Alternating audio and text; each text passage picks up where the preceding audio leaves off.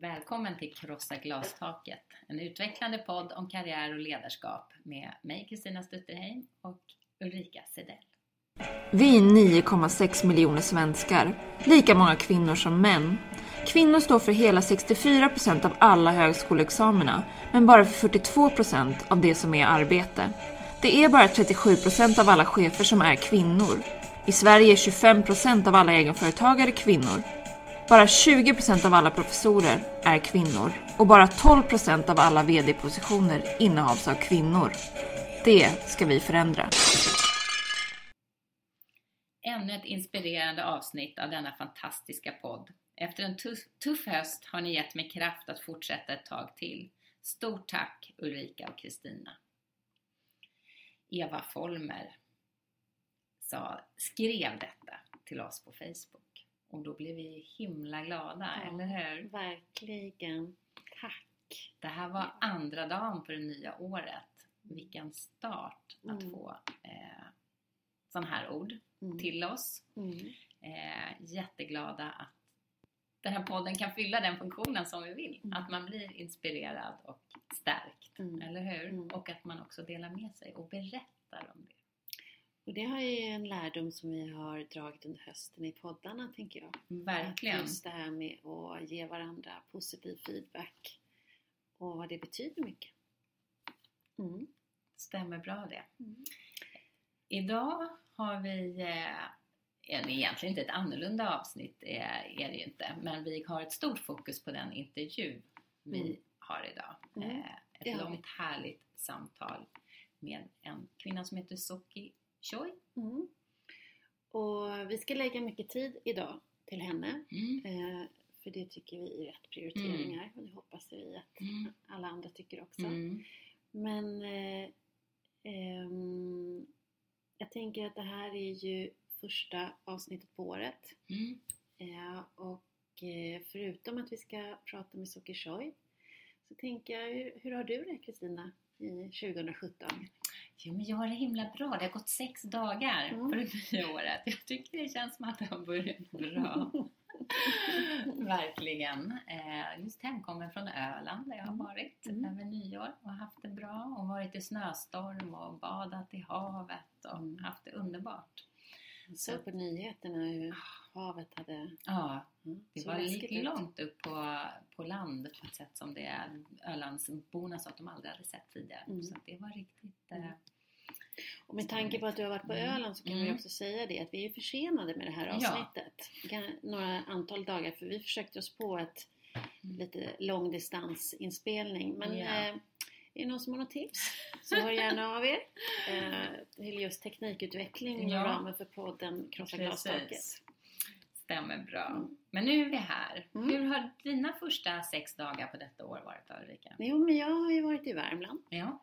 Eh, fantastiskt mysigt. Jag har varit på konsert eh, och försökt dansa lite vals. Mm. Går sådär för jag har skadat mitt knä men, men eh, ja, det var jättemysigt. Mm. Det har varit jätteskönt att vara ledig. Mm. Men nu drar det igång Det gör det. eh, på måndag. Mm. Det känns väldigt roligt. Mm. 2017 ska bli bra. Ja, Jag tycker vi har en hel del att lära av Mm. 2016 som vi kan utveckla och göra bättre.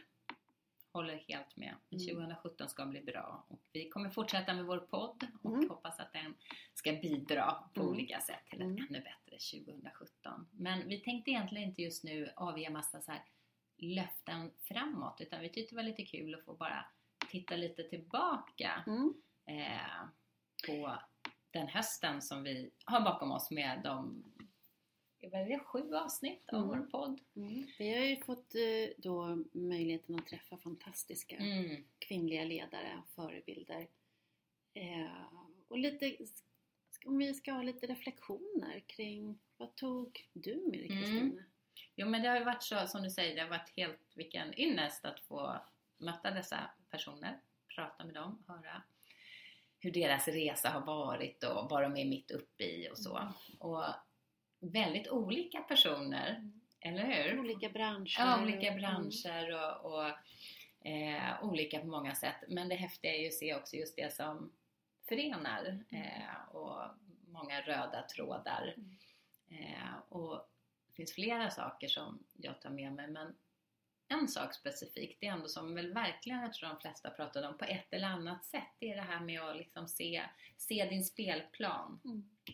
Eh, som kan betyda olika saker. Jag tror vi var väldigt inspirerade av Lena Olving när hon pratade om det ur sitt perspektiv. Mm.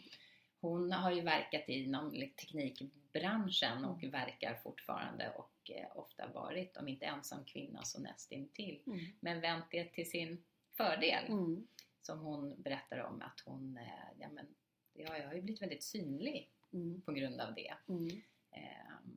Det var också väldigt roligt tycker jag när hon pratar om de här långsamma manliga Ja. miljöerna, byråkratiska, när, Mm. när hon sitter i ledningsgruppen och låter allting måste ha sin gång. Mm. De här killarna måste få prata klart. Mm.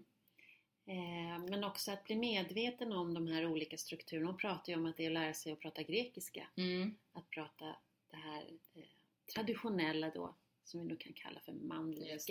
Mm. eh, sättet att hantera och agera. Ja, det tyckte jag var Mm. ett roligt, lite Mm. humoristiskt sätt att se Mm. på det. Verkligen. Mm. Men det här med spelplanen, att eh, se över den, den plan man verkar Mm. på, i. Mm. Eh, hur är det inom just det företag, den organisation där jag är? Mm.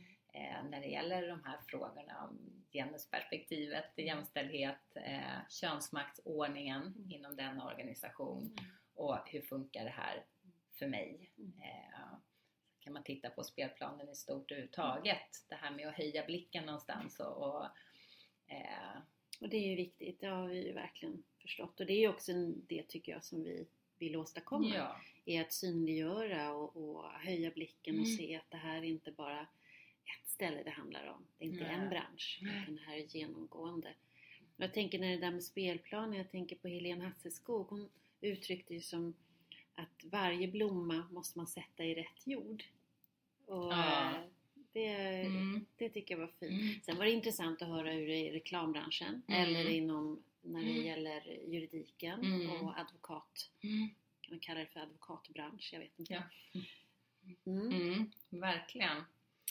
Eh, något annat som jag tycker att eh, ja, alla de här kvinnorna också, oavsett hur de pratade om det, eh, några var kanske tydligare, var det här med att de har en sån distans till Mm. jobbet. Mm. Eh, Louise uttryckte det, Louise Sander i första avsnittet om att hon, det är få saker på jobbet som hon tar personligt, Mm. tror jag hon sa. Mm. Så en hälsosam distans till Mm. sitt jobb, till sitt uppdrag, det innebär ju inte att man inte är engagerad så, att man liksom eh, ger mycket av sin kraft och kompetens, men att man inte låter sig eh, påverkas just på det, på det personliga planet. Ja, att man inte blir sitt jobb, som är Ja. så lätt att bli faktiskt Ja. om man är väldigt engagerad. Ja. Att inte bli sin titel. Mm, Eh, därför att man blir också så oerhört sårbar. Mm. Man håller ju fast Mm.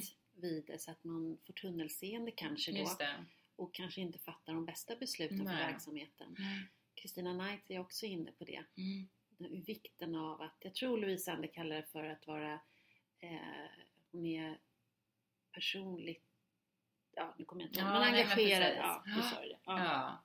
Jo, någonting annat som Louise Ander pekade på, eh, det var ju det här med att hon hade dragit slutsatsen om hur otroligt centralt det är att välja rätt partner. Mm, Att inför eh, familjebildandet och annat, att man snackar med varandra och är överens om hur man ska lägga Mm. upp sitt familjeliv och hur man ska dela på de gemensamma åtaganden som det är att ha en familj. just det.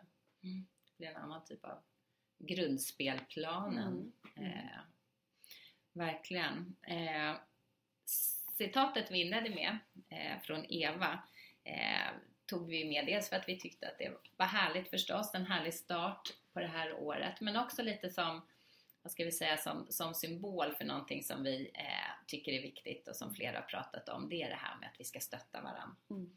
Uppmuntra varandra eh, på olika sätt. Både ta hjälp när det är tufft och så, men också när vi ser bra saker. Mm. Eller att eh, ja, personer åstadkommer något eller vad det nu kan vara. Att vi faktiskt tar stöd eh, och att vi stöttar varandra Mm. och att vi uppmuntrar varandra och hör av oss på olika sätt. Mm. Och väldigt konkret. Så jag gillade ju jättemycket det här som Kristina Knight pratade om, amplification. Mm. Eh, som ju som sagt var något väldigt konkret i att kvinnor, eh, hon berättade om den ledningsgrupp hon hade Mm. verkat i där man bestämde sig för eh, att kvinnorna att nu ska, vi, nu ska vi se till så vi tar ett stort utrymme och eh, stöttar och uppmuntrar varandra och referens, refererar till varandra Mm. i samtalen. Och det hade förvirrat de övriga. Strukturen. Precis. Mm. Ehm, Så det tycker jag också är en röd tråd och Mm. något som jag tar med mig. Mm. Är det någonting annat som du tänker på specifikt? Nej, jag tycker jag har fått med det. Jag har- bär ju med mig det här hela tiden tycker jag. Ty- Jag tycker det har varit otroligt viktigt och den feedbacken vi också får i mejl och i kommentarer det är just att det här blir så synligt. Eh, I min handledning så, så har jag ju fått feedback ifrån eh, uppdragsgivare att oj, när de har lyssnat på podden, eh, att gender eller genusperspektivet, att det har så stor betydelse i verksamheten. När jag eh, leder och fördelar arbetet, när jag rekryterar, hur jag synliggör kompetens. Eh, Så flera har ju sagt att de har börjat jobba med den här frågan i sina organisationer för det är först nu de har förstått hur centralt det är. Mm. Och det är ju fantastiskt roligt. Mm. Verkligen. Så det är någonting jag bär med mig. Otroligt viktigt är att faktiskt börja prata om de här frågorna och synliggöra det. Verkligen. Bra! Ja, men vi har ju träffat Sokershoy Mm. och vi ska nu över till att prata med henne. Det är en längre intervju så därför Mm. kortar vi ner det övriga eh, för att vi tyckte att det var viktigt. Och lite kort om Soki då. Soki har gjort en, eh, en väldigt unik resa. Mm. Eh, Hon i sin ungdom så var hon konsertpianist eh, och framgångsrik sådan. Mm. Eh, Men sen valde att söka in till Handelshögskolan och bytte karriär. Och sen grundade hon Blue Factory. Och det gjorde hon efter några år som managementkonsult efter att hon hade tagit examen år 2000. Eh, Och de utvecklade man appar för mobiler och det var man faktiskt först i världen Mm. att göra. Och det här växte och etablerade sig i tre kontinenter och SVT gjorde en film om henne, de som var med då, som döptes eh, till IT-prinsessan. Mm. Så hon blev ju IT-entreprenören, den kvinnliga Mm. IT-entreprenören med hela Sverige. Men hon bytte bana igen och hon disputerade senare på Karolinska institutet och forskade på Harvard på en avhandling om komplexa system. Och sen blir hon eh, forskning och utvecklingsrådgivare till Nya Karolinska. Och hon väljer att lämna Nya Karolinska, Mm. apropå att välja sin Mm. spelplan. Mm. Därför hon tappar förtroendet för verksamheten. Mm. Så att vi ska nu få träffa henne och lyssna på Mm. hennes blick som hon har sett i så många olika delar utav samhällets arbetsmarknad. Mm. Och vi eh, möter henne på mitt kontor på Strandvägen i Stockholm.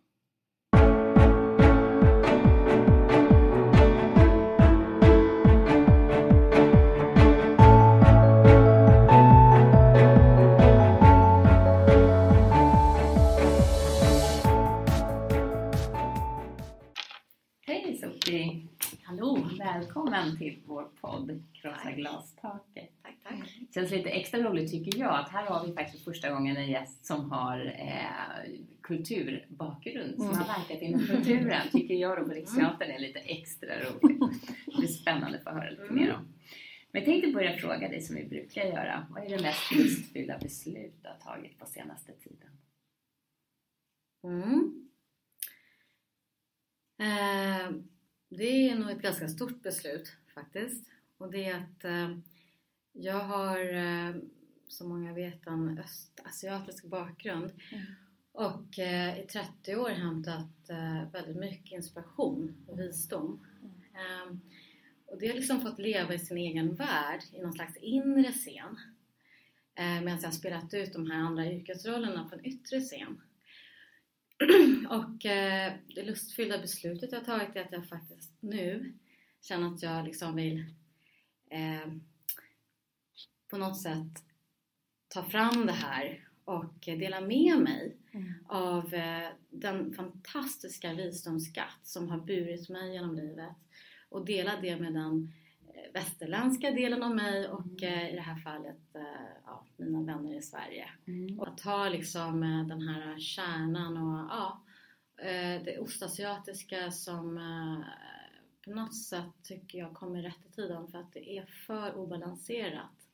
Och det här väldigt eh, eh, industriorienterade samhället där nästan människan ses som en slags resurs. Mm. Ja. Mm. blir man ju väldigt Eller nyfiken. hur? Verkligen. Ja, men det är ett stort beslut. Ja. Ja. För att, eh, ja, det har fått mogna fram och jag tror att det är rätt tid nu att liksom våga dela med mig av det. Mm. Åh, spännande. Verkligen. Du kan väl börja och berätta lite kort om din bakgrund? Ja, nej men som sagt var, jag föddes ehm, den 10 december 1973 Mm. eh, i Stockholm eh, av sydkoreanska föräldrar. Så att från dag ett så eh, var det ju två världar. Jag växlade ständigt mellan, så ganska tidigt började jag inse att det finns liksom inte en absolut sanning. Utan det är verkligen relativt och de är absolut lika giltiga.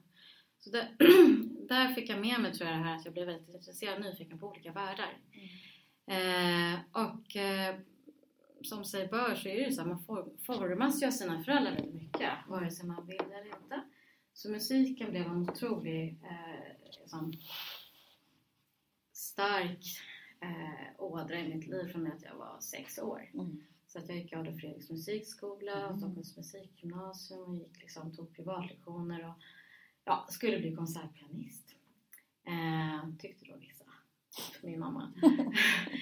eh, så jag trillades på där och andades musik så att det är ju verkligen en del av mig och mitt DNA. Verkligen. Så. Men jag såg ju samtidigt också hur många kämpade just inom kulturvärlden. Eh, och jag tror att det bidrog med att jag liksom ändå tyckte det var lite jobbigt att det kändes som att det inte var riktigt jag som hade kommit på det här. Utan eh, när jag var 16 år så hade jag min sista konsert eh, på Konserthuset och tyckte att det är lika bra att sluta på topp istället för att uppleva sin liksom, ja, bana neråt.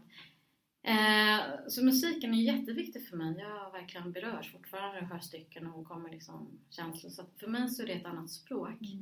Det är någon slags universalt språk som alla kan eh, förstå känslomässigt utan att ja, kunna det vanliga språket. Eh, och sen så började på handel så kom in då på det sättet i näringslivets eh, hegemoni.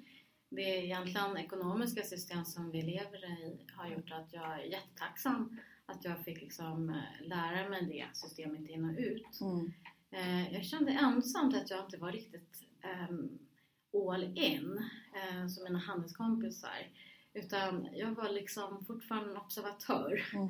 Och jag var liksom född i Rinkeby, hade vuxit upp i Husby och Huddinge och var bland de här Sigtuna människorna och Wallenbergarna. Så det var väldigt fascinerande att se hur, återigen, helt annat värdesystem rådde. Eh, och jag fick ju så här gliringar att liksom, jaha, så du är från Udange? Jag fattar ingenting. Det var ju Huddinge på franska. Så att eh, jag blev väldigt stolt där och vägrade ta bort att liksom, min adress liksom var i Huddinge i matrikeln fastän jag hade flyttat in till stan för länge sedan. Det var så här, nej, det är ingenting jag skäms för. Mm. Utan nu i efterhand är jag väldigt glad att jag liksom eh, utan någon som helst hjälp och föräldrar som hade vare sig nätverk eller medel kunnat ta mig fram. Mm. Så det var liksom näringslivet och då eh, började jag som managementkonsult på ett amerikanskt bolag och jag brukar säga att det var som att göra lumpen. Mm. Det var verkligen att gå i mörka kostymer, raka led och ta order. och jag tror inte jag är en sån lumpenmänniska. Kom Så- du på det då? Nej, jag kom på det. Och eh, eh, redan då så eh, var det en person jag frågade om råd. Hur, hur ska man förhålla sig när man inte trivs eh, i den här maktstrukturen? Och eh, jag kände liksom att jag hade fortfarande ganska mycket kunskap att hämta. Mm. Så då sa han så här, man låtsas att det är en maskerad du ska på. Mm. Så varje, varje dag, ser du i spegeln så är det bara, ja men nu, nu sätter jag på mig den här konsultkostymen som ska vara viktig. Mm. Så det gjorde jag. Mm. Så att jag var ensam tjej bland 50 eh, strategikonsulter. Eh, och det var ju alltid så här Formel 3 och eh, äventyrssporter och, och kvinnor som skulle dela ut eh, troféer och mycket sexsnack och sådär. Så att jag har ju varit med om hela den där grejen. Eh, så man blir ju inte en i gänget riktigt. Mm. Det är ju så. det gjorde mig ingenting. Jag hade liksom inte investerat mitt liv i det. Utan eh, snarare så var det att jag startade företag. Mm. Eh, och det var ju också en resa i sig. Var mitt under den här krisen, telekomkrisen. Och, eh, eh, jag hade liksom redan inspirerats av andra. Men framförallt så hade jag bestämt mig för att starta företag eh, sedan barnsben. Och det kan vi återkomma till sen. Mm. Så att det fanns liksom ingen återvändo. Så att jag ville pröva mina vingar. Eh, och vi var ju verkligen tidiga med att ta fram appar. Det här var 2000. Mm. Jag var väl först. Vi var först i världen. Mm. Och det är inte alltid bäst att vara först, men vi var först. Mm. Om, om inte störst. Och det var väl sån här, det är väl den förbannelse att vara pionjär. Att du ser vad som komma skall, även om marknaden inte är där. Mm. Eh, så jag som 25-åring fick helt plötsligt rollen att liksom utbilda de här stora aktörerna som Telia, Ericsson. Mm. Jag fick liksom övertyga om att appar kommer att bli stort. Mm. De var inte helt övertygade. Nej. Så det var bisarrt när man nu tänker tillbaka Mm. att eh, det är så självklart idag. Mm. Eh, men då så ehm, var det ju den kraftfullaste inlärningsresan eh, yrkesmässigt Mm. Och jag var väldigt ung och det tror jag var en förutsättning. Mm. För att jag var ung och dum. Det vill säga jag, jag visste inte alls Mm. vad som väntade mig. Utan jag är jätteglad att jag inte startade företag när jag var 40 för då hade jag inte vågat. Det är lite så, man ändras ju med tiden. Eh, det var jättetufft och man hade ett ego som gjorde att man liksom inte ville att det här skulle gå i konkurs. Så att jag gjorde ju allt. Mm. Så jag jobbade ju nästan ihjäl mig. Jag tog liksom ingen semester, jobbade till två på natten. Och, ehm, ja, det var ju ens baby och man liksom kände att hela världens ögon hade jag dess, dessvärre på det också. Ja, dessutom var det ju ovanligt som kvinna. Att vara IT-entreprenör som kvinna då. Det var ju, jag tänkte, SVT gjorde väl till och med en Ja. film om dig då? Nej men jag fick ju väldigt mycket nästan ja, men oproportionerligt mycket uppmärksamhet. Eh, Det vet jag inte. Ja, Nej men jag tycker liksom det för att jag hamnade helt plötsligt på Forbes framsida och, och sen så ja, det var jättemycket media kring det där men jag tror att i efterhand så, så, så tror jag att det speglar snarare att det fanns ett så stort hål på marknaden. Mm. Att det inte fanns en kvinna i hög position inom IT Mm. och dessutom etnisk eh, annan bakgrund så det blev väl kardemumma, eller mumma, sossarna i alla fall som, Mm. som försökte ta väldigt mycket kraft för det. Mm. Eh, så ibland så tajmar man ju in såna här äh, hål på marknaden så att eh, Alltså om jag på något sätt kan ha inspirerat andra unga kvinnor så är det jättebra. Mm. Det är, Men jag kommer ihåg det. Ja. Jag kommer ihåg när du var med på TV. Liksom. Och jag kommer ihåg det var första gången jag hörde uttrycket bluetooth. Det där har suttit kvar i... Så jag kommer ihåg det fast det nu var då 16 år sedan. Eller. Eh, nej, jag har lärt mig väldigt mycket på den, den resan och ehm, ja, jag vet inte vad man ska säga. Det är ju man kastades rakt in i någon slags cirkus och Mm. karusell som tog en till väldigt höga höjder och ehm, mitt ego fick, tror jag, en boost. eh, som Andrew Warhol brukar säga att alla behöver sina 15 minuter av fame och det fick jag ju mer än därtill. Och det var ganska mättat efter det. Jag kände så här, ja, det var lite skönt att få ur sig det liksom. Sen så fick jag ju massa förfrågningar i mediala sammanhang som jag bara sagt konsekvent tackat nej till. Mm. Så jag har aldrig tackat ja själv utan det är liksom om de Mm. förmedlar och vill så fine. Men, men jag har aldrig känt den här, jag kan se idag, ungdomar nästan blir ju förtrollade och gör allt för att synas. Det har jag faktiskt inte Mm. känt. Och det, det kanske var för att jag fick min dos då. Mm. Eh, Ja, så är behoven också olika. det är möjligt. Mm. Men efter det så eh, behövde jag ta ett uppehåll. Så att vad jag brukar göra, som har funkat för mig, är att eh, lämna allt jag har i princip. Eh, och eh, då var jag liksom och eh, reste väldigt mycket utomlands. Just för att frigöra mig från förväntningar och de roller som ofta jag kan uppleva att eh, olika aktörer, agenter i samhället skriver in åt en. Och den vanligaste är ju att du ska fortsätta med det du har gjort i samma tangent. Eh, och det har inte alls varit självklart för mig. Utan jag är snarare tvärtom. Nu är jag ju mättad. Nu kan jag det här. Ehm, och det tar tid att bottna Mm. i, i vad man ska göra.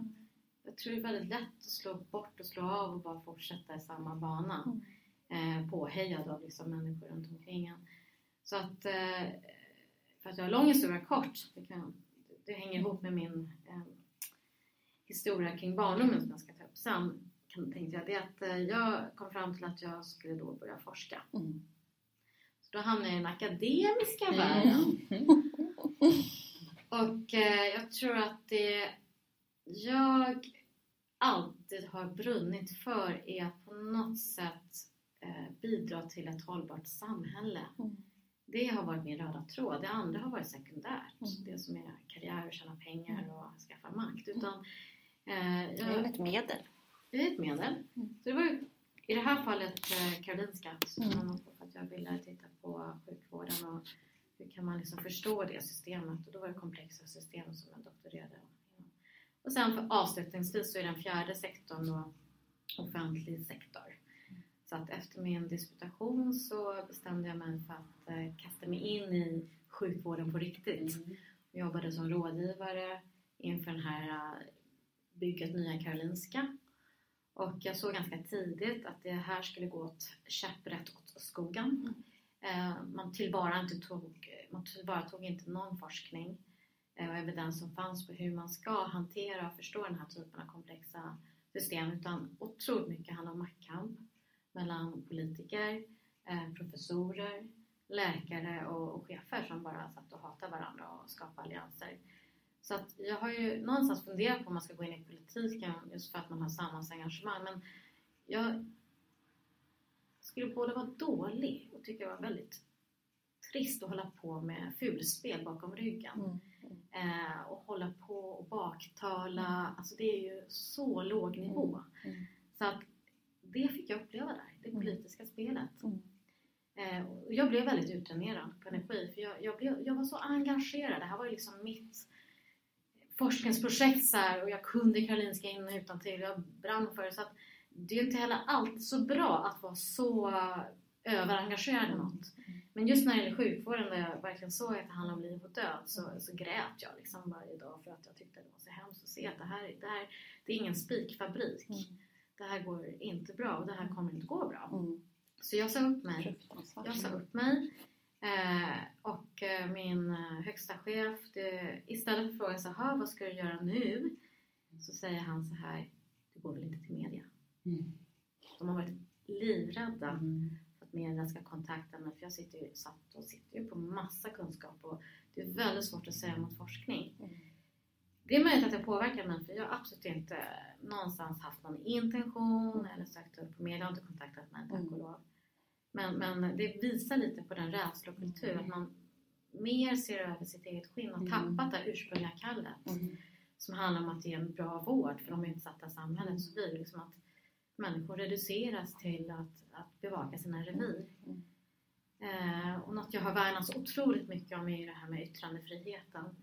Eh, och även om vi har det som land i Sverige så kan jag bara eh, av egen erfarenhet vittna om att eh, det är inte alls okej att prata om vissa saker. Det finns åsiktskorridorer, Mm. inte bara inom politiken utan även inom akademin och Mm. sjukvården. Mm. Och, och då väljer jag, även om det kan innebära osäkerhet ekonomiskt och karriärsmässigt, att lämna en sån miljö för att jag värnar om yttrandefriheten och att vara sann mot mig själv mycket högre. Och din integritet därmed. Mm. Det blir en väldigt krock, tänker jag, med den här passionen och viljan att åstadkomma någonting eh, som slår emot strukturer, Ja. kulturer, Mm. maktspel. Och vad, Mm. vad... Men det är ganska enkelt för att besluta, kan jag liksom förändra situationen här? Mm. Om inte, då är det ju bättre att lämna Mm. än att sitta och Mm. liksom bara förgås. Mm. Det är ett svårt beslut, men att jag ändå försökte, gav mitt liv för att hjälpa till, men insåg att jag bara dunkade huvudet. Blodet Mm. mot en vägg, det är bara insats. Men då får jag försöka hitta något annat sätt Mm. att, att, att bidra Mm. med det jag kan. Kanalisera all din Ja. kunskap och energi. Mm. Så där fick ni en långt svar på er korta fråga. det är ju otroligt, eh, alltså det är få som har gjort en resa. Som har, som har rört sig genom hela samhället nästan, skulle man ju kunna säga. Genom kulturen, genom näringslivet, genom akademin, offentlig sektor och därmed också politiken.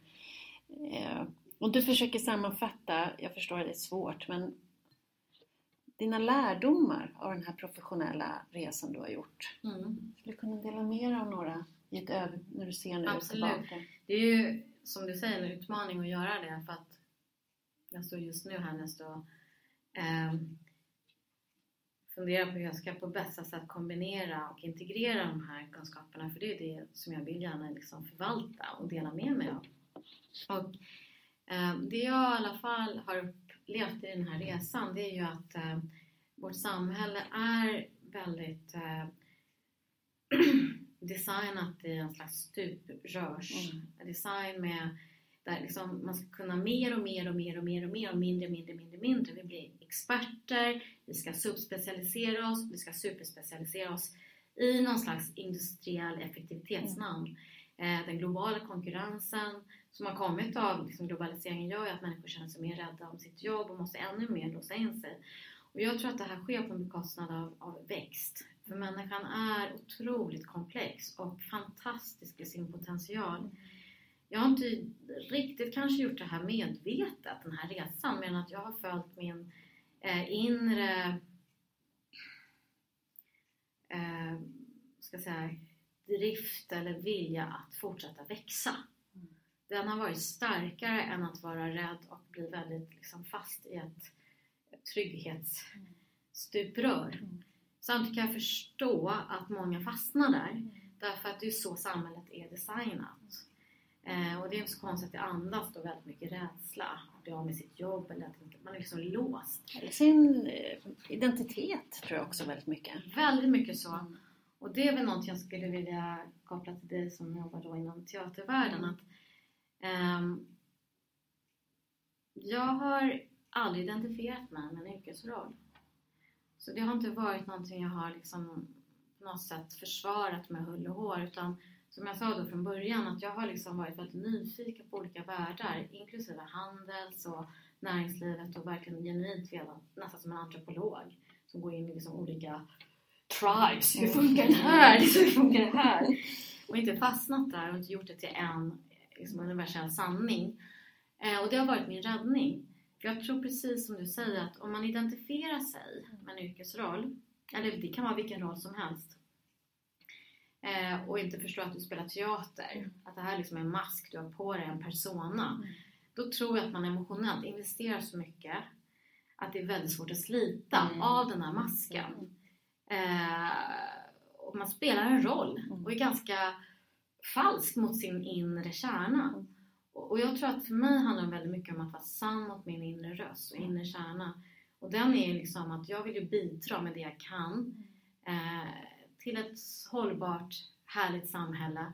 Och om jag är då i, ett, i en bur där jag känner att liksom, men här, här kan jag ju inte flyga, här, här kan jag inte använda mina vingar. Då väljer jag ju inte att stanna kvar. Men, men, men då ska man veta att kostnaden med att lämna en bur det är att du faktiskt kan bli ensam. Så att jag har ju testat olika fågelburar brukar jag se det som. Olika institutioner. Och där, därför att där finns ju alla andra fåglar, brukar jag säga. Så, så, så vinsten att gå in i de här burarna, eller standard miljöerna, Strukturer. branscherna, Mm, strukturerna, mm. det är att du inte är ensam. Mm. Du är inte ensam och du är ju en social varelse. Kostnaden är att du inte använder dina vingar. Så jag har ju valt att flyga ut genom burarna, vara i mellanrummen och sen flyga in igen i näringslivet. Och där hittar jag massa andra fåglar och så flyga ut igen. Och har upptäckt ibland att jag blir för länge ensam där jag flyger fritt. Att jag väljer liksom att ändå gå in i gemenskapen igen. För det är ju det här att, att välja en väg som, där du är sann mot dig själv kan ibland innebära att du, du blir själv. Mm. Men också att du måste använda en jäkla massa kraft att plöja din egen väg. Det är inte någon annan eller samhället som har liksom satt så här, ja men här har vi ett smörgåsbord, här har vi en, en rätt som passar dig. Utan jag ser liksom fem standardrätter som vi människor kan välja från. Och så får man ta den som smakar minst så dåligt. Och jag kanske har varit för eh, livsbejakande för att inte vilja faktiskt eh, använda den potential vi alla har fötts med. Och då menar jag i det här fallet det här med fåglarna. Alltså, har du vingar då, vill, då är det meningen att du ska mm. flyga mm. fritt. Mm. Men allt för många strukturer faktiskt ja, Vinklippt. blir vinklippt. Mm. Ja. Mm. Så, så min lärdom där är att, att samhället faktiskt inte alls caterar den sortens karriär jag har gjort. Mm. Det är därför den är ovanlig. Mm. Men jag hoppas av flera skäl att, att eh, flera vågar faktiskt eh, utmana sig själv och eh, utveckla sidor som jag vet finns hos alla. För att man blir så jäkla ensidig. Mm. Och jag tror inte att det är det som är människans lott. Vi är så otroligt mycket mer Mm. än en specialiserad roll. Mm. Det är jag helt övertygad om. bara finna sig en fågelbur. Ja. Mm. Mm. Jag tänker, du, det är ju otroligt häftigt att höra din resa, att gå in som gäst. För du, du låter ju nästan som en forskare hela tiden. Ja. Även om du för senare i livet blev forskare. Men det du gör är ju att utforska och söka och kliver in och undersöker. Eh, så jag tolkar dig. Men du har ju också nått fantastiska framgångar. Du har ju åstadkommit resultat. Du, eh, 16 år så gör du, gör du eh, pianokonsert inför publik eh, och är framgångsrik. När du, eh, du startar bolag som tar dig till olika världsdelar med investerare och du växer. Du, eh, när du eh, gör din avhandling får du priser och så vidare och så vidare. Vad har varit de viktiga faktorerna för att du faktiskt har, du har gått i mål när det, inom de här olika områdena? Eller nått mål? Jo, men jag tror att eh, jag har en slags avslutslogik. Jag, har, jag måste avsluta något jag har påbörjat. Alltså det finns sådana här dilemmat där många antingen skjuter upp eller så avslutar man inte och sätter igång massa. Så det, det är någon slags... Eh, jag förstår inte min egen hjärna men jag är så här som en en terrier. Så liksom när jag går så går jag all in verkligen. Så att det här myten, alltså att kvinnor skulle vara så bra på att hålla många bollar i luften och männen är så enkelspåriga, den, den köper inte jag för jag är otroligt sådär en, sak i taget. Mm. Mm. Så jag tror inte man ska sprida ut sig för tunt. Mm. Eh, vi har alla bara 24 timmar av den orken man har. Så jag har alltid valt att ha liksom ett fokus. Mm. Eh, och det finns flera som jag tycker har lyckats som har också det, den Mm. filosofin. Mm. Spotifys grundare Martin Lorentzon, bland annat, som jag bollar mycket med eh, under den här, de här åren, att han också delar den här ett, en sak i taget. Mm. Man får liksom inte försöka vara överallt. Mm. Eh, och sen avslut. Mm. Eh, men också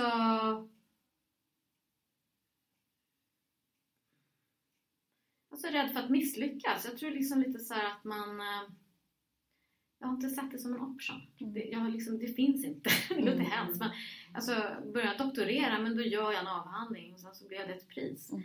Men priset kom som, jag tror alla sådana här framgångar, det kom som en slags så här, eh, oanad bieffekt.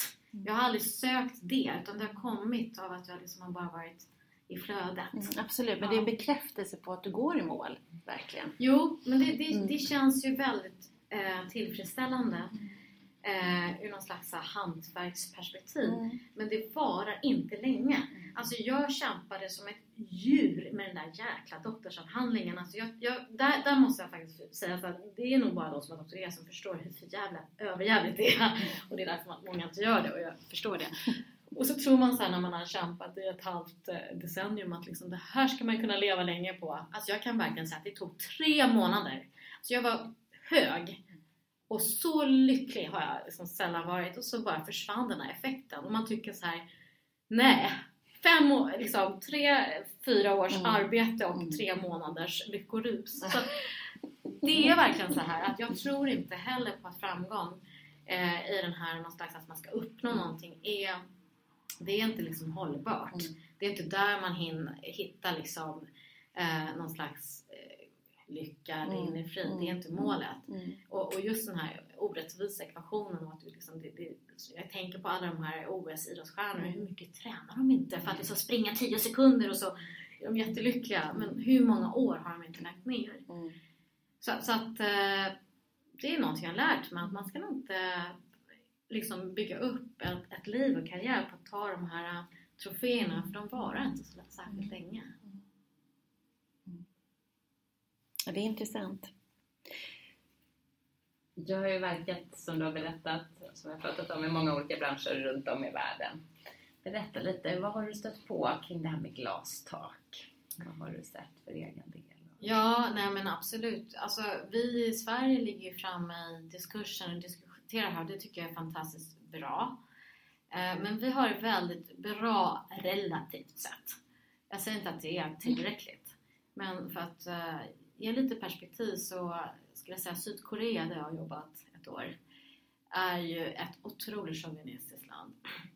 Eh, vi kan ta ett konkret exempel. Jag var där och jobbade för Scania Eh, och det var en svensk management och så var det liksom koreanska mellanchefer. Och eh, jag tog ju för mig och jag hade liksom kunnat utnyttja den här svenska mentaliteten att liksom, de, de tittar liksom på hur duktig du är. Och jag började lära mig programmering då, det här var 90 Eh, så att helt plötsligt så blev jag liksom utsatt till IT-lärare till de koreanska mellancheferna. Inte så populärt.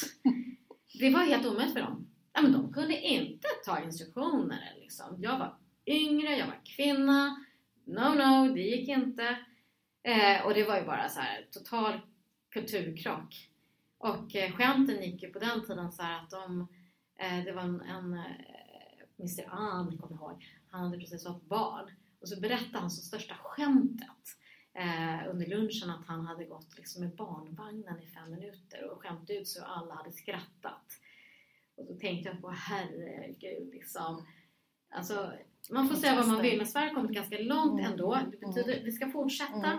och det gäller framförallt näringslivet men det Mm. finns väldigt många värre eh, exempel och det gjorde ju att jag bestämde mig för att aldrig någonsin jobba i Sydkorea.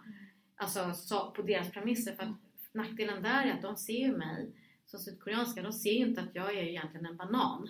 Jag är gul på utsidan och vit på insidan. Totalt svensk inuti.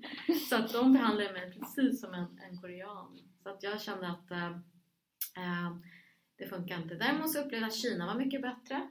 Eh, man får säga vad man vill om kommunismen. Men den har ju plattat till eh, könsstrukturerna. Så där är det liksom att eh, jag, hade, jag fick göra förhandlingar med dåvarande, ja, tror jag att hon blev senare vice premiärminister. Helt sjuka situationer. Man var med i satt i ett hotellrum och förhandlade om telekomlicenser till China Mobile, China Unicom. Och hon var ju superläskig och grönuniformare. Och eh, satt i Kina, så man får inte dra alla asiatiska länder Mm. över en kam. Mm. Så Kina är väldigt trevligt. Där skulle jag kunna jobba som kvinna. Där respekterar man män. Mm. För det, är liksom, ja, det var ju det idealet. Så att eh, det tycker jag. USA är okej. Det är, de är ju så överkänsliga. Du kan ju stämma dem på miljoner om de bara yppar någonting. Så att eh, ja, tyvärr måste jag väl nämna Sydkorea som inte är så himla jämställt. Mm. Ja, du nämnde USA. Du har ju varit där under var det senaste halvåret? Eller nu i höstas. Nu höstas, ja. Så under i alla fall presidentvalstiderna. Och vi har ju pratat mycket om Trump och Hillary här i, i våran podd. Men du nämnde innan så här att det här med att Trump blev vald kanske inte behöver vara enbart en backlash för det här med jämställdhet och feminism. Berätta lite hur du tänker och vad du har sett. Mm. Nej men jag blev ju som många andra tror jag väldigt chockad över valresultatet för det var så otroligt oväntat och som tragiskt på många sätt tyckte jag. Eh, och jag var, ja, efter den här chocken så började jag liksom prata med jänkarna och bara försöka förstå vad är det som har hänt. Hur kan liksom white college educated women liksom rösta på honom?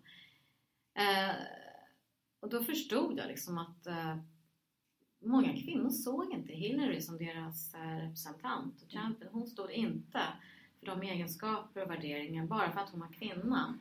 Till sitt kön så gav inte det henne alibi att få alla kvinnors röster.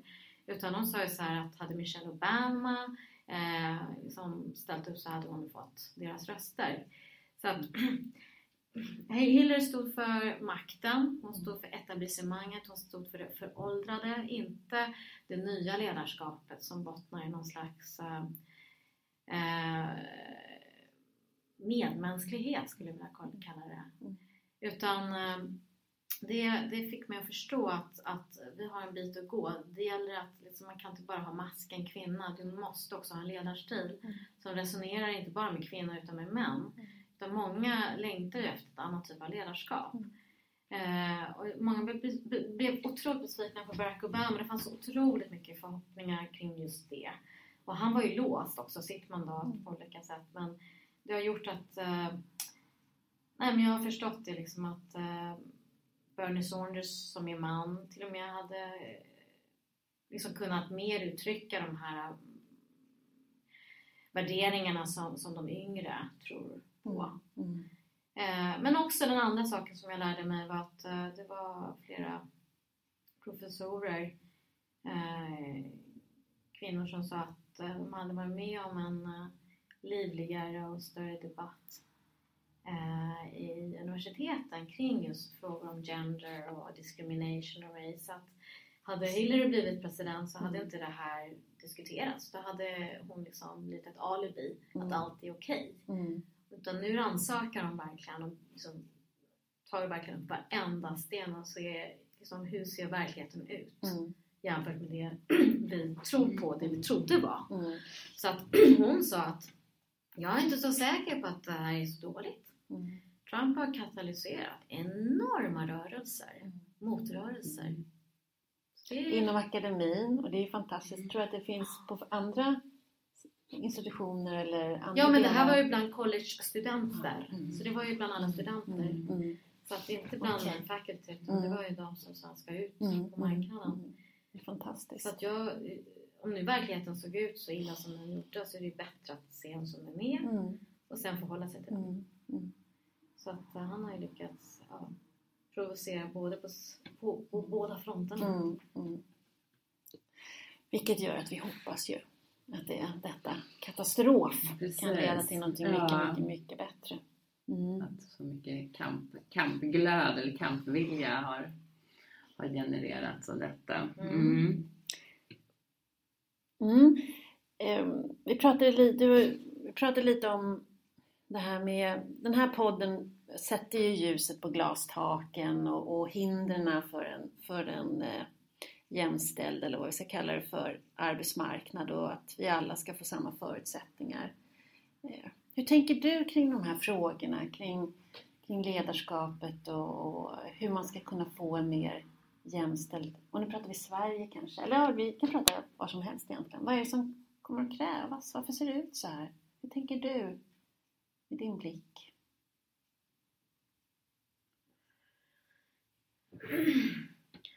Ja, men de strukturer som vi har att förhålla oss till springer ju ur otroligt vad ska jag säga, många decenniers eh, utveckling av organisationer. Man får ju tänka på det att de bottnar i värderingar som kanske rådde för hundra år sedan. Mm. Så att det är ju inte så konstigt att vi nu liksom ska tycka att det här stämmer inte alls. Mycket av eh, konsult och advokat och för den delen sjukvården springer ju väldigt mycket ur någon slags eh, militären som någon slags förlaga med hierarkier och orderstruktur. Eh, och jag tror att då ska man ju komma ihåg det. Är det liksom militären vi vill ha som en role model? Eh, liksom. Och det tror inte jag. Eh, för min del i alla fall. Utan jag plockar väldigt mycket visdom som jag var inne på förut från Östasien där ehm, men även från västvärlden där jag tror mer på att vi måste hitta andra former. Och där tror jag kvinnorna, liksom, om man liksom vågar gå till en annan arena, alltså en ny teaterscen och liksom Mm. plocka fram eh, istället för hela tiden reagera mot det som finns utan bara tänka sig att det är liksom ett vitt blad.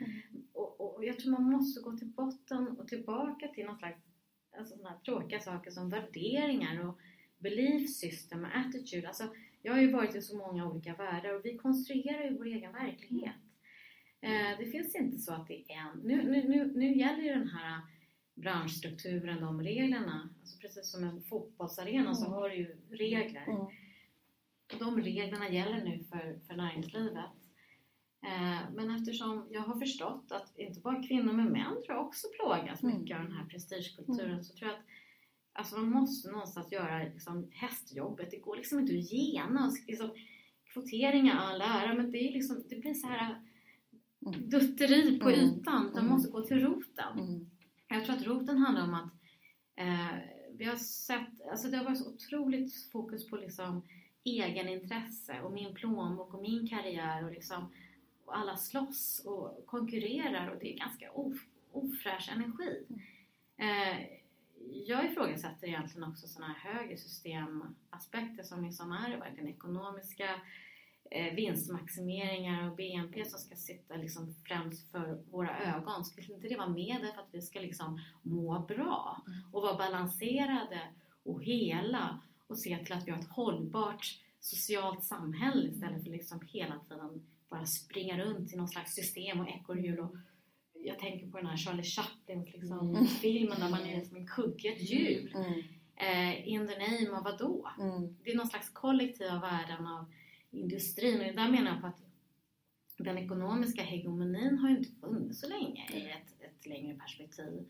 Eh, och eh, där du liksom på något sätt idag tycker jag man rovgirigt tar av planetens resurser för att bara liksom effektivisera, effektivisera och skulle inte resultatet vara att vi skulle få mer fritid och liksom mera resurser? Nej.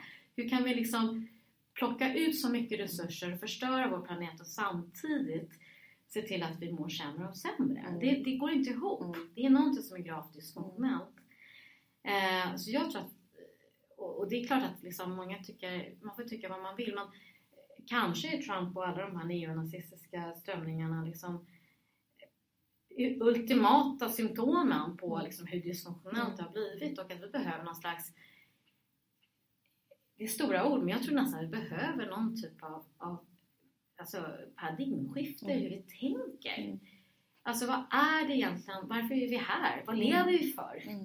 Liksom, livet är otroligt kort. Mm. Eh, och jag tänker på lite varför jag också har valt den väg jag har valt. Det är att jag eh, har inte delat med mig det tidigare men att jag eh, faktiskt när jag var då 12 år eh, råkade ut för en olycka där jag var otroligt nära döden. Eh, och mitt eh, hjärta stannade och jag eh, eh, har svårt att sätta det här i ord men det som hände var att jag fann ironiskt nog en otrolig inre frid Mm. Mitt i det hela och bara kastades ut. Och, alltså, det var som att tiden stannade upp. Mm. Eh, och det är det tillståndet jag längtar tillbaka till. Och jag har mediterat i 30 år. Mm. Eh, och jag tror att det är lite för att meditationen kommer väldigt nära det här inner peace. Inner peace. Och det är där jag hämtar liksom den energin och stillheten. Där allting bara får liksom vara. Eh, och jag tror någonstans att vi är gjorda för att liksom uppnå det här tillståndet av liksom en inre stillhet, eh, balans och harmoni som då klingar mycket mer väl i det här ostasiatiska paradigmet där man ser mer till andras väl och ve. Alltså att man, du använder din kropp som en slags vässel och din energi för att vara med och bidra till ett hållbart samhälle genom att du faktiskt odlar och visar medkänsla, till exempel via meditation.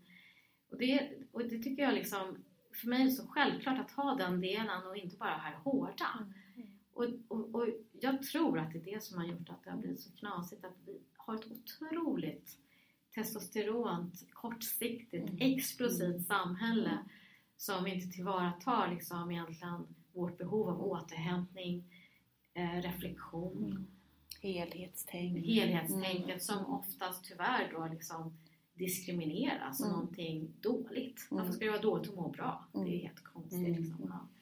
Så att när jag upplevde den här nära döden upplevelsen så eh, det var då jag liksom insåg att livet är ändligt. Eh, och jag blev väldigt fascinerad av döden och existentiella frågor. Eh, och som 16 år så hade jag redan formulerat vad är det jag vill göra innan jag dör. Mm. Och då var det just det här, jag vill starta företag. Jag vill hinna doktorera, forska. Eh, vill också hoppa fallskärm. att- Men jag tror att det var liksom en så här, den här fria fågeln igen. Mm. Alltså så nära man kan komma en känsla av att vara liksom helt fri. Mm. Och sen så var det en vision kring att, att, eh, att vilja åka till Himalaya. Mm. Eh, och det har jag ingen aning om var det kommer ifrån.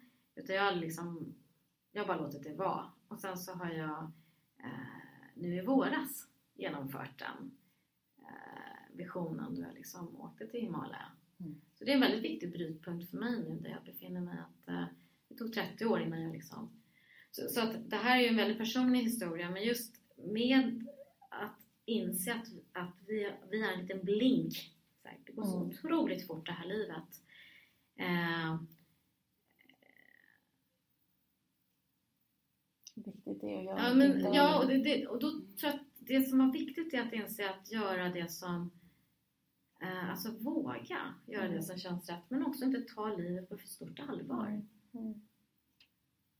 Alltså att se det som masker, se det som roller. Du behöver liksom inte totalidentifiera dig Mm. och bara gå all in och liksom låta dig helt liksom uppsugas av de spelregler som finns.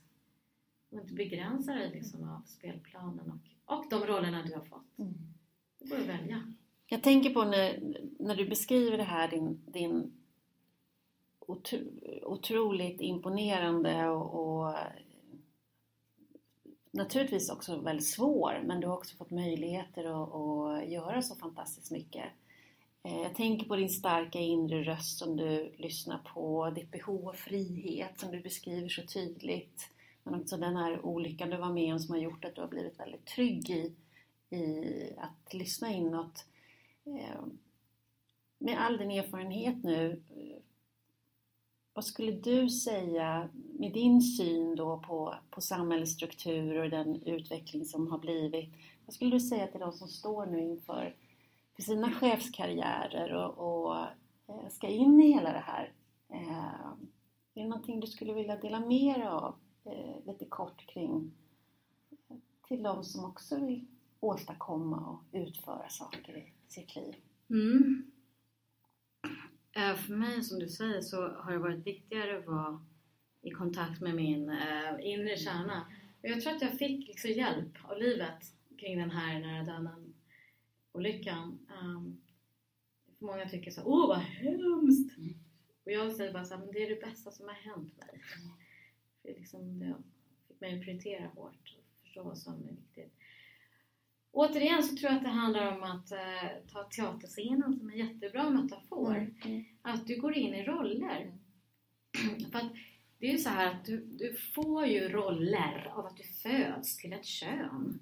Det är saker du inte kan bestämma. Du föds in i en viss kultur, en kontext, ett land, i- vid en viss tidpunkt där vissa värderingar råder. Det, är- det är bara liksom ditt fate. Mm. Alltså, som, som jänkarna säger.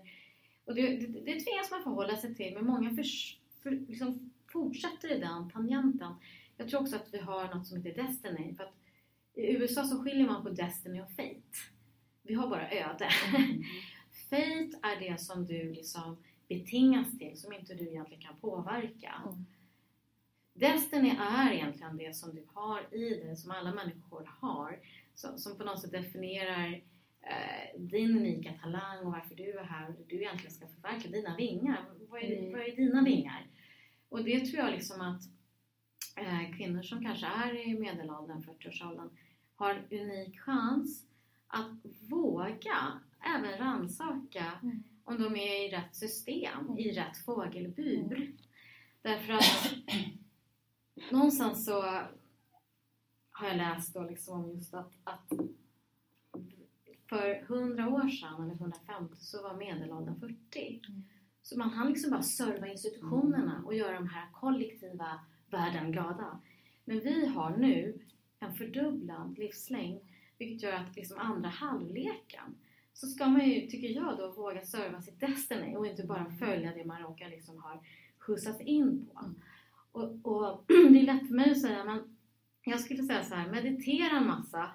Det är verkligen liksom min alltså, största visdomsskatt jag kan dela med mig av. Mm. Jag har kämpat i ja, 30 år att få in det i mitt liv. Men det är lika viktigt som, eh, för mig är det lika viktigt som mat, sömn, motion. Mm.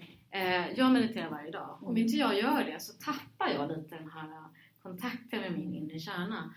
Och vad det gör är att du bygger upp en tolerans mot andras åsikter om vad du ska göra.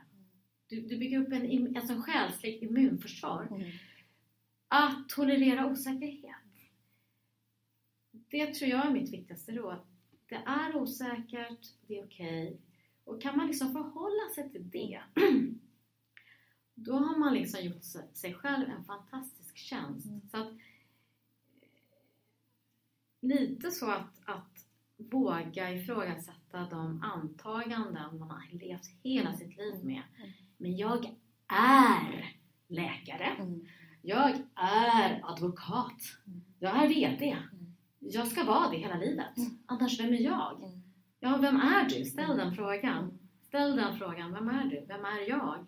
Är jag någonting mer än de roller jag har spelat? Mm. Är jag någonting mer än det som de händelser? Ska jag när jag är 80 drygt, eller vad det kan vara, ligga där och på min dödsbädd och se tillbaka? Var livet inte mer än summan av de händelser och de roller jag har spelat? Jag vågar inte uttala mig om hur andra funkar, men utifrån min egen erfarenhet så vet jag att livet har så otroligt mycket mer att erbjuda om man vågar ta sig ut ur de här burarna Mm. Mm. som samhället har designat åt dem och våga konstruera. Men där skulle jag vilja efterfråga att, att, att fler samlas, för man behöver stödet, man behöver hjälpen. Jag har nog kämpat fem gånger mer i onödan för att jag har varit själv. Så jag gråter ibland över att man är liksom lite så pionjär om man nu kallar det för det, för det är verkligen en börda också. Så att, eh, man ska inte vara rädd för att våga visa sitt inre, för att dela med sig. För jag tror det är fler som känner att, liksom, att man är på fel plats. Jag tror jag också är helt Mm. övertygad om. Jag tycker det är fantastiska råd. Att, att lyssna inåt, Mm. meditera, förhåll Meditera, det är dig. väldigt konkret. Och förhåll dig till Mm. din spelplan. Det är inte du, utan det här är bara olika burar eller Mm. Jag tycker det är... Vi ska runda av och Soki, du är inte mer än halvvägs in i livet. Ju, man blir ju väldigt nyfiken på vad det här kommer bära hän om eh, 40 år, 50 år ytterligare framåt. Det ska bli väldigt spännande att få följa och få se alla dina upptäckter. Finns det någonting avslutningsvis innan vi eh, stänger av? Eh, något som du tycker att vi har missat? Någonting vi ska, som du vill säga? Ja, Mm. det finns en sak som jag skulle verkligen lyfta fram. Ehm, det är ju någon slags så här, äh, ungdomshysteri och liksom ideal kring att liksom stanna upp tiden och ja, man ska bara vara ung och, och framtiden är ju det som ligger i ja, trenden. Men jag vurmar verkligen mycket för att det finns så mycket klokskap i ehm, den gamla världen antikens värld och visdomen som finns både i Österlandet och Västerlandet. Eh, nästan ibland så undrar om inte de var lite klokare än vad vi har blivit, märkligt nog. Mm. Eh, de hade nog tid att reflektera. Och där har jag pratat väldigt mycket om Östasien som jag vill lyfta fram. Men det finns väldigt fina saker i västvärldens visdom och det är just det här eh, renässansidealet. Eh, och det är lite som jag sa, jag har inte hittat eh, någon förebild. Jag har liksom inte hittat någon samtida förebild i, i den banan jag har gjort. Som bygger inte på en linjär karriär utan bygger mer på någon slags, man använder jobbet för att växa Mm. och kanske ge tillbaka. Mm. Inte så mycket för att man ska visa upp statusprylar. Mm. Och det har ju min mamma ojat sig över att jag har alltid liksom använt all min tid, energi och eh, pengar för att åka på såna här visdomsresor och runt om i världen. För man hittar inte det här i universiteten. Och där menar jag på att renässansen uppmanade, uppmuntrade just den här möjligheten att utforska olika delar av sig själv. Det kunde vara både matematiker, musiker, arkitekt eller målare eller vad du nu vill samtidigt. Mm. Så det skulle jag vilja liksom eh, uppmuntra människor att titta på förebilder långt tillbaka i tiden. Mm. Mm. Som Leonardo da Vinci och Mm. Jung, fantastisk. Mm. Som månar om helheten. Mm. Också som jag, väldigt kritisk mot den här äh, specialiseringskulturen. Och att vi bedömer varandra. Bedömningskulturen, Mm. usch, Mm. ursäkta. Mm. Ja, så. Det, det är underbart med den eh, eh, buddhistiska och hinduiska, att man liksom verkligen utan att värdera, bara liksom accepterar så som verkligheten ser ut och inte går omkring och liksom dömer. Mm. Så visdom, visdom, visdom. Mm. Visdom, Ah. att betrakta och acceptera. Härligt! När det här avsnittet sänds då är det i början på ett nytt år så att jag tycker att det du har avslutat med, eh, med råd och så vidare känns fantastiskt Mm. att få börja det nya året med. Mm. Vad bra! Det nya livet. Det nya livet! Ja, Tack så mycket. ja tack så jättemycket! Då är vi tillbaka. Köket på Södermalm. Ja, det är vi! Ja, det var... Så jag mycket att lära oss andra. Ja, i min verkligen! reflektion. Ja, håller helt med. Och jag tänker mycket på det här med att inte fastna i en bur. Mm. Hur viktigt det är att vi tar oss ur och eh, hur, att vårat, det sättet vi har byggt vårt samhälle, de strukturerna, kanske inte, eller de motarbetar oss som Mm. människor och att få Mm. använda vår kompetens och kom, all, vår potential. Mm. Reflektion. Mm. Verkligen! Ja, Mm. fantastiskt! Mm. Eh, och hon hade ju ett karriärstips som jag tänkte vi skulle Mm. haka på lite grann. Verkligen! Bra karriärstips här i början på ett nytt år. Ja. Mm. Och hon förmedlade ju att det viktigaste hon i sin väg hade varit att meditera. Mm. Att det hade hon gjort i 30 år. Mm. Varje dag. Och det tycker jag att vi ska eh, använda faktiskt vi också Mm. eh, som ett tips. Eh, att göra mindfulnessövning eller meditera. Mm. Det är nästan enklast, tror jag, för om man är ovan att börja med mindfulness. För det är ett sätt att komma in i meditationsövningen och praktiken. Så jag skulle... För den oinvigde, vad Mm. menar du med det? Meditation är ju, när, om, eller låt säga så här, mindfulnessövning kan du, finns det så mycket sätt att få handledning i. Mm. Det finns appar, eh, det, man får eh, råd och tips Mm. helt enkelt om hur man gör. Mm. Meditation eh, finns inte lika mycket utan du blir väldigt lämnad till dig själv. Mm. Och många gånger så finns det grupper man kan gå i, man kan meditera tillsammans och få lite handledning i andning och så. Ehm, men mitt tips är att, att eh, börja med mindfulness. Mm. Och mindfulness börjar man oftast med en kroppsskanning, att man eh, känner av sin kropp, sin andning och övar medveten närvaro. Mm. För det är ju ett, en utmaning som vi har. Och då har man sett i studier och så att när du är medveten, när du är närvarande och koncentrerad på det som är här och nu, du både känner och du upplever dina sinnen, så är du, du fattar mycket bättre beslut. Du lyssnar bättre. Mm. Du lyssnar även inåt bättre, Mm. till dig själv, till din Mm. egen röst eh, och känslor. Mm. Så därför så tänkte jag rekommendera, vi har ju inga som helst eh, samarbeten eller så, men jag vill ändå rekommendera en podd som heter, eller en, inte en podd, Ja. utan en app som heter Lugn och Lycklig. Mm. Där man kan, som man kan ladda ner gratis och Mm. som man kan göra mindfulnessövningar. Jag tänkte också att vi skulle lägga ut en mindfulnessövning på Facebook-sidan Mm. Bortom glastaket. Mm. Som ett tips inför nya året Mm. att börja träna på Mm. ökad medveten närvaro. Mm. Jag tänker det som Soki pratar om eh, och som vi pratade om även när vi hade slutat vårt samtal kring det här med meditation och, och mindfulness. Att, att ett sätt att lära sig hantera sin osäkerhet Mm. eh, och det här att det är så mycket runt omkring oss Mm. eh, som vi någonstans behöver lite stå ut med ibland. Mm. Eh, och att att det här med en ökad medvetenhet handlar ju om att just se både det goda och det, det dåliga som pågår och att det är ett, ett med, att, att göra det mer medvetet, att bli mer medveten om, om dessa tankar och så. Det, Och det hänger ju Mm. också ihop med det. Vi hade ju några avsnitt sen så tittade vi på ny forskning när det Mm. gällde Mm. att titta på ledarskapet och hjärnans kapacitet. Och en utav de eh, framgångsfaktorerna, eh, kompetenserna eller funktionerna som det kallas för, eh, var ju känsloreglering. Just det. Det vill säga Precis. en förmåga att Mm. reglera när du blir rädd, Mm. arg, passionerad Mm. eller vad det nu är. Mm. Eh, och att förmåga att inte gå igång och bli eh, impulsstyrd eller att re- reagera för snabbt. Då är, där är ju mindfulness och meditation ett otroligt Mm. bra verktyg för Mm. att just kunna bli skickligare på känsloreglering. Mm. Jättebra. Mm. Ja men ett härligt tips för Mm. 2017. Mm. Börja hitta fram eh, i mindfulness och kanske meditation. Bra. Ja. Men då rundar vi av för Ja, men idag. det gör vi. Och tackar för denna gång. Hej!